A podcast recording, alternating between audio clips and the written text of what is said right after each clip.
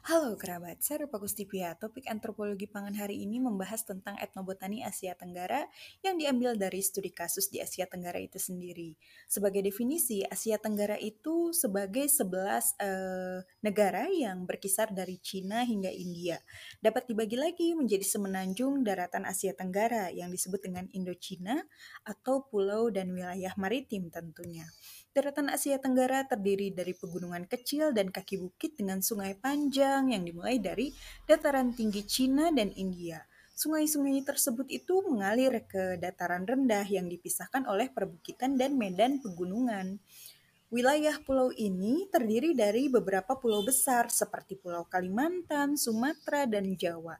Tentunya banyak juga pulau-pulau kecil hampir seluruh bagian Asia Tenggara ini beriklim tropis. Oleh karena itu, suhu umumnya eh, panas dan lembab dengan curah hujan yang melimpah, sehingga ada hutan hujan di Asia Tenggara yang memang kedua terbesar setelah hutan hujan Amazon. Besar juga kan hutan hujan di Asia Tenggara ini? Di hutan hujan inilah area dengan keanekaragaman hayati yang tinggi dan spesies endemik. Nah, FAO pada tahun 2006 itu mencatat ada sekitar 27% hutan bakau dunia terletak di Asia Tenggara. Mari menelisik sejenak apa itu hutan bakau. Hutan yang tumbuh di air payau, sedangkan air payau sendiri merupakan campuran antara air tawar dan air laut. Jika kadar garam yang dikandung dalam 1 liter air adalah 0,5 eh, sampai 30 gram, maka air ini disebut dengan air payau. Namun jika lebih, tentunya disebut dengan air asin. Air payau itu ditemukan di daerah-daerah muara dan memiliki keanekaragaman hayati tersendiri dan dipengaruhi oleh pasang surut air laut tentunya. Fungsi ekologis dari hutan bakau sering juga disebut dengan hutan mangrove, yaitu sebagai habitat atau tempat hidup ya bahkan tempat berlindung, tempat mencari makan, atau berkembang biak binatang laut. Nah, hutan e, mangrove atau hutan bakau umumnya tumbuh e, di lahan di mana terjadi endapan lumpur dan zat-zat organik yang mengakibatkan itu gerusan alir, e, aliran air ya dari berbagai tempat gitu yang bermuara pada lokasi yang menjadi tempat e, tumbuhnya e, hutan mangrove atau hutan bakau tersebut.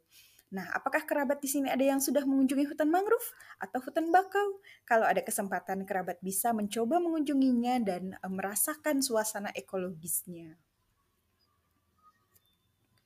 Sekarang melanjutkan uh, ulasan etnobotani di Asia Tenggara. Nah, menurut bukti arkeologi, manusia telah menghuni Asia Tenggara selama sekitar 40.000 tahun kelompok suku dari Cina itu melakukan perjalanan menyusuri uh, sungai yang panjang. Dan pada akhirnya kelompok suku dari Cina ini membawa pengaruh pada beberapa hal yang sampai saat ini masih ada dan berkembang seperti bahasa, agama, dan budaya tentunya. Penduduk asli ini memang bermigrasi dari Australia dan Papua Nugini, kemudian uh, bermigrasi ke Filipina dan Kepulauan Melayu serta Indonesia. Nah, dahulu Indonesia juga masih disebut dengan kepulauan. Biasanya eh, para pelaut dan orang laut hidup secara eksklusif di perahu. Yang lainnya kan tumbuh subur di hutan yang dalam, termasuk kelompok headhunter. Nah, dulu ada tuh sebutannya headhunter atau para pemburu. Sekitar 2000 tahun yang lalu itu daerah tersebut mengalami perubahan budaya yang berasal dari China atau Cina dan India. Orang Cina itu memperluas kerajaan mereka ke bawah sungai Yangtze, kemudian ke Vietnam mereka membawa filosofi Konfusianisme, Buddhisme, dan Taoisme.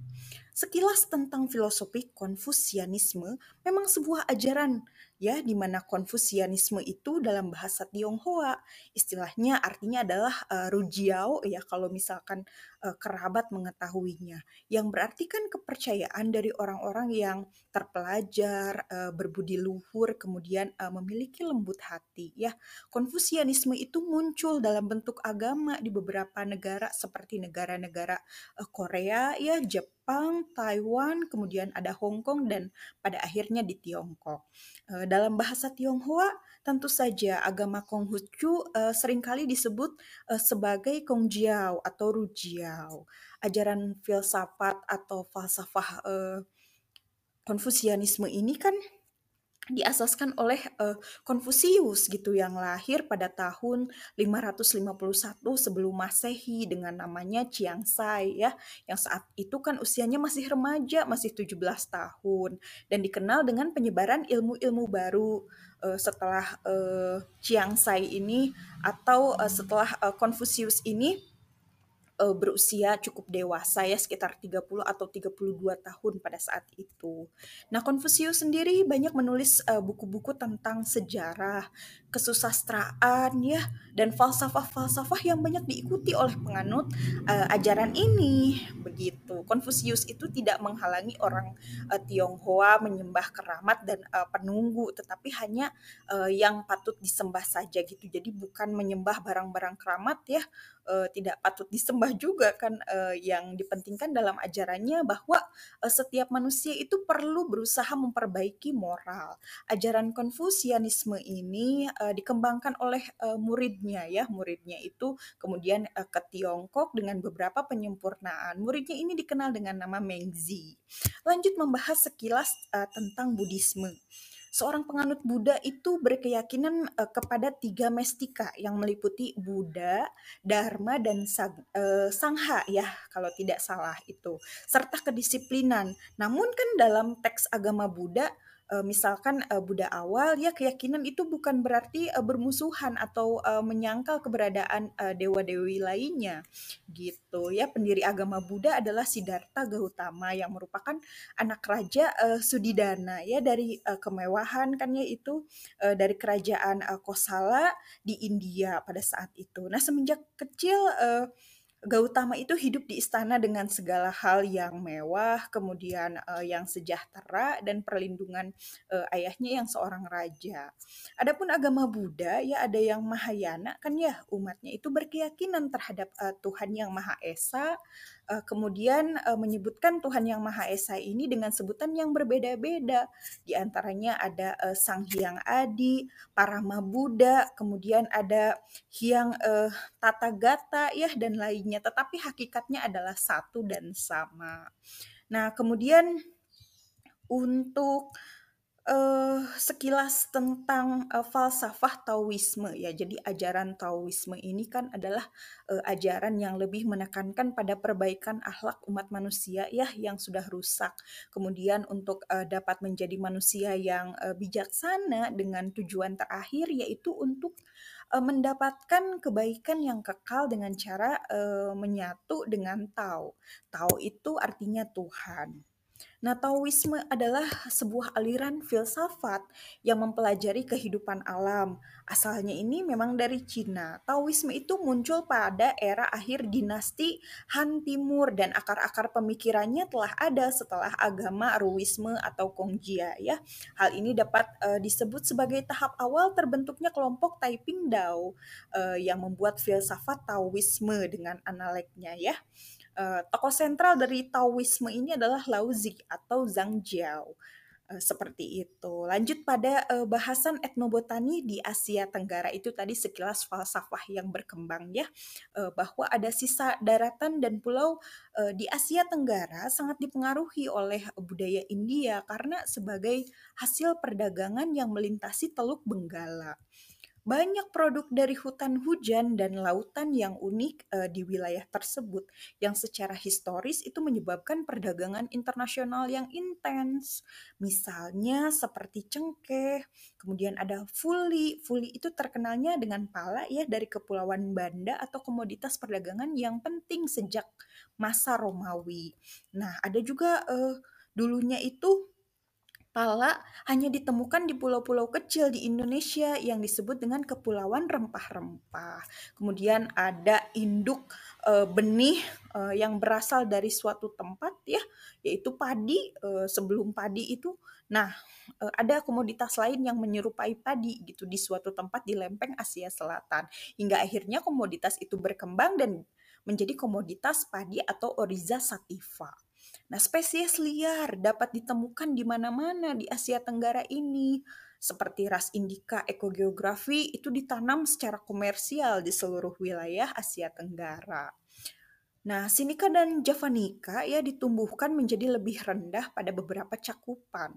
Kemudian ada setelah padi, kemudian tanaman ekonomi penting lainnya di wilayah ini gitu, Asia Tenggara ya, eh, termasuk dalam urutan uh, yang menurun pada saat itu nilai produksinya pada tahun 2013 datanya seperti kelapa sawit, uh, karet alam, singkong, tebu, pisang dan sayuran segar itu disampaikan oleh statistik FAO pada tahun 2013. Nah, kopi juga merupakan produk utama untuk beberapa negara seperti Vietnam. Vietnam adalah produsen terbesar kedua kopi uh, di dunia ya diikuti oleh Indonesia. Kemudian uh, kelapa sawit itu mungkin berasal dari Afrika Barat ya, tetapi pada tahun 2013 kan Indonesia dan Malaysia memproduksi 85% minyak sawit dunia dan beberapa tanaman penting yang berasal dari Asia Tenggara itu sendiri. Beberapa tanaman asli itu digunakan untuk tujuan keagamaan di wilayah tersebut uh, misalnya kemangi suci dari Thailand ya itu uh, digunakan dalam agama Hindu kan untuk pemujaan uh, dewa Wisnu uh, dan dewa lainnya. Ada lagi telapak talipot. Nah ini uh, terkenalnya dengan uh, palem talipot ya dari India Timur itu biasanya arak suci kan ya. Kemudian ada pohon bodhi dari subbenua India, tempat Sang Buddha Gautama bersemedi dan memperoleh pencerahan. Begitu ceritanya. Uh, pohon ini juga dipandang uh, suci oleh penganut agama Hindu, Buddha, dan Jainisme. Nah, sekilas tentang Jainisme itu adalah agama yang mengajarkan jalan menuju uh, kemurnian dan pencerahan spiritual melalui non kekerasan disiplin ya, tidak melukai uh, semua makhluk hidup. Kemudian agama Jainisme sendiri juga berkembang bersama uh, agama Hindu dan agama Buddha. Ada lagi, pohon dewan daru. Nah, untuk menurunkan kolesterol, tekanan darah, ya anti diare, diuretik, kemudian anti rematik, kemudian anti diabetik juga. Selanjutnya ada sirih, ada lontar ya yang tersebar di Asia Tenggara. Selanjutnya ada uh, pohon kelapa itu merupakan pohon yang harus ditanam oleh biksu-biksu dari agama Buddha uh, di depan biara mereka gitu. Selain itu mereka juga menanam teratai, kemudian ada lili jahe putih, ada juga uh, bunga cempaka, kamboja dan uh, pisang Cina kerdil. Nah, pisang uh, Cina kerdil ini uh, dengan terat, pisang teratai emas ya atau uh, pisang kuning Cina itu satu-satunya uh, spesies dalam uh, genus uh, Musela yang ditemukan di Asia uh, Tenggara. Dengan demikian uh, kerabat uh, dengan dengan pisang ya uh, dan juga anggota keluarga Musaceae. Nah, teratai Teratai itu dianggap suci kan di seluruh wilayah di Asia Tenggara. Ini adalah simbol ilahi dalam agama Hindu, Buddha, dan uh, Konfusianisme. Kemudian etnobotani di Asia Tenggara juga memiliki tumbuhan yang liar yang uh, menjadi dasar pengobatan tradisional di seluruh negara Asia Tenggara banyak uh, masyarakat yang tinggal di pedesaan masih mengandalkan jamu tradisional ya sebagai andalannya. Ada juga uh, sumber obat ini memang uh, sudah ada karena akses ke layanan kesehatan pada saat itu di Asia Tenggara itu memang dibatasi baik oleh ekonomi maupun uh, oleh ketersediaan. Beberapa tumbuhan asli kan telah dikembangkan menjadi obat-obatan di wilayah Asia Tenggara. Seperti ada uh, reserpin. Nah, itu kan adalah obat anti psikotik ya dan anti hipertensi alkaloid gitu yang berasal dari uh, agare uh, agaretina ya atau ageratina.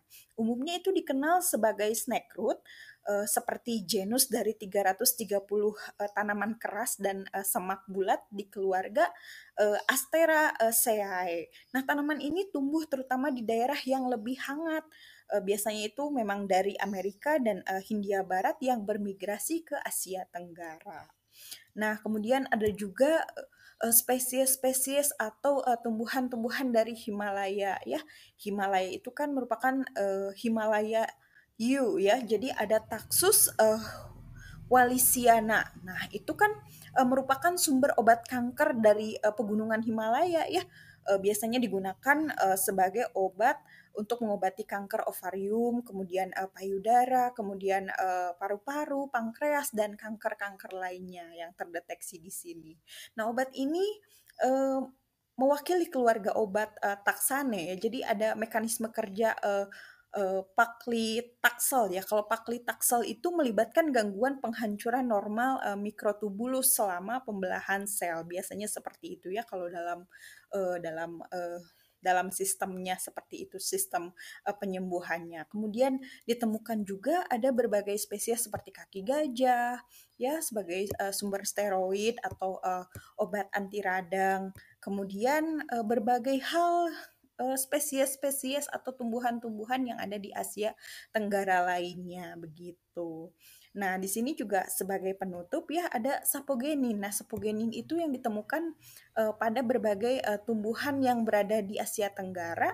Itu merupakan zat aktif yang permukaannya itu berasal dari tumbuhan yang larut dalam air yang membentuk larutan mirip sabun. Sedangkan uh, ada senyawa lain itu uh, seperti senyawa-senyawa yang asalnya ditemukan di ubi khas Meksiko namun menyebar atau bermigrasi di Asia uh, Tenggara dan digunakan untuk membuat kontrasepsi oral. Itulah cerita etnobotani di Asia Tenggara.